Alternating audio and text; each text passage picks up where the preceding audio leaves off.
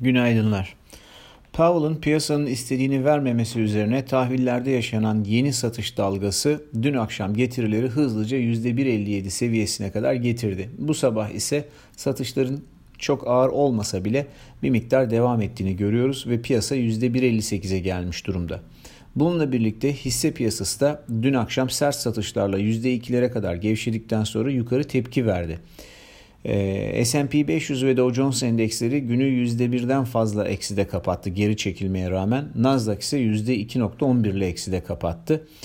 Faizin artmasıyla birlikte kıymetli madenlerde satış görüyor tabii doğal olarak ee, ve buna karşılık da dolar endeksinde de yükseliş var. Powell'ın açıklamalarında çok yeni bir şey olmamasına rağmen birkaç tane önemli nokta var. Bunlardan bir tanesi aslında e, yine daha önce söylediklerini tekrarlamış oldu ama e, endis, endişe edilecek enflasyon vardır demeleri için e, şu anda yeterli kadar yeteri kadar hızlı hareketlerin olmadığını söylüyor. E, ve hatta bunun bir iki çeyrek kadar süren bir yükselen enflasyon hareketinin buna yeterli olmayacağını söylüyor. Eğer onlar onlar aslında enflasyon vardır diye değerlendirmeleri için e, böyle iki çeyrekten fazla bir enflasyonist ortam olması gerektiğini söylüyor. E, tabii iki, iki çeyrek dediğiniz aslında saniyeler içinde ağzımızdan çıkıyor ama 6 aylık bir e, süreç en azından. Dolayısıyla e, burada Fed'in ne kadar e, aslında sabırlı bir yapı olduğunu da bir kez daha görmüş oluyoruz. Şimdi e, bu henüz enflasyon, endişe edilecek enflasyon olmadığını düşünüyorlar ama şunu da söylüyor. E, olan biteni de gözden kaçırmadıklarını söyledi. E, tahvil faizlerindeki yükselişin onlar da farkındalar. Ama sorulardan bir tanesi şuydu. Peki yüzde kaç faiz getirisi sizin için aksiyon almak için e, yeterli olacaktır dediler. O da e, faizin seviyesine bakmıyoruz faizin ne kadar hızlı ve ne kadar fazla yükseldiğine bakıyoruz dedi. E, bu yaklaşım bizim daha önceki e, yazılarımızda bahsettiğimiz yaklaşımla birebir aynı.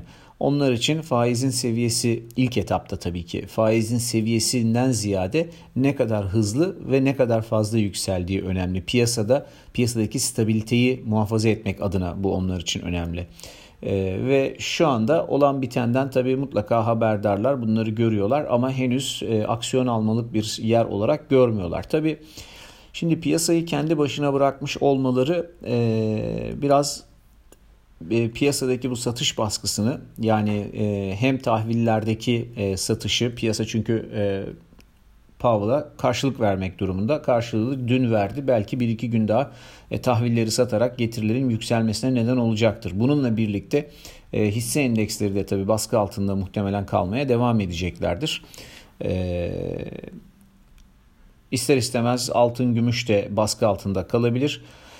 Ee, ama sonrasında normalleşeceğini tahmin ediyorum. Ee, şeye baktığımızda, endekslere baktığımızda e, geçmişte S&P 500 endeksi %7, %9 marjında düzeltmelerle sağlıklı bir şekilde yükselişini sürdürmüştü.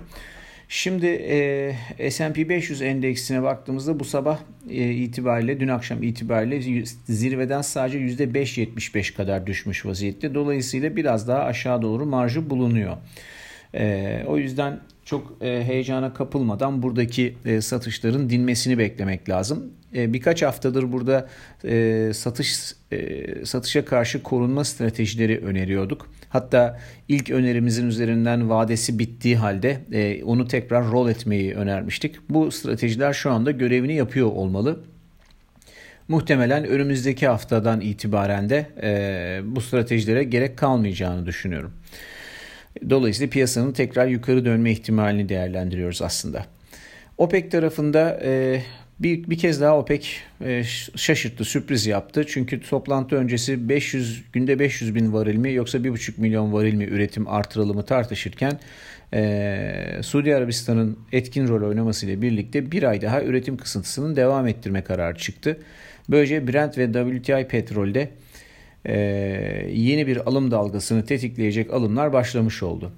Dünkü yükselişle WTI 64.86 seviyesini test ederek pandemi sonrası dönemin en yüksek fiyatını görmüş oldu. Biraz sanki zorlama var gibi gözüküyor ama yine de buradaki fiyat hareketini e, haftaya taşımak isteyecekler.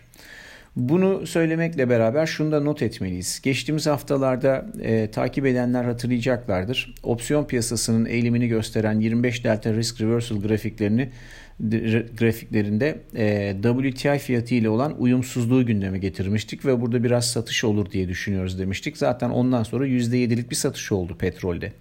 Dolayısıyla bu kötü sayılmayacak bir indikatör. Ee, şu anda baktığımızda burası da ciddi anlamda yani opsiyon piyasası da ciddi anlamda yukarı dönmüş vaziyette. Dolayısıyla yukarısı için petrolde ikna edici bir görünüm var. E, tahvil getirisindeki e, tabi hızlı yükseliş reel getirinin de yükselmesine neden oldu. Böylece kıymetli maden kompleksi de baskı altında. Ama altın 1687, gümüş 25 dolar, platin de 1120 dolar ile e, alım için öngördüğümüz seviyelere gelmiş vaziyette. Hatta platin biraz daha altına kaymış vaziyette. Eğer alım yapılmadıysa platinin alım platinde alım yapmak için e, 1065-1040 dolar bölgesini beklemek belki biraz daha akıllıca olacaktır. Ama altın ve gümüşte işte 1680-1670 bölgesi ufak alımlar için iyi bir yer gibi gözüküyor. Gümüşte 25 dolar civarından e, kısa süreli alımlar yapılabileceğini tahmin ediyorum. Ama bunu yaparken hatırlamak lazım.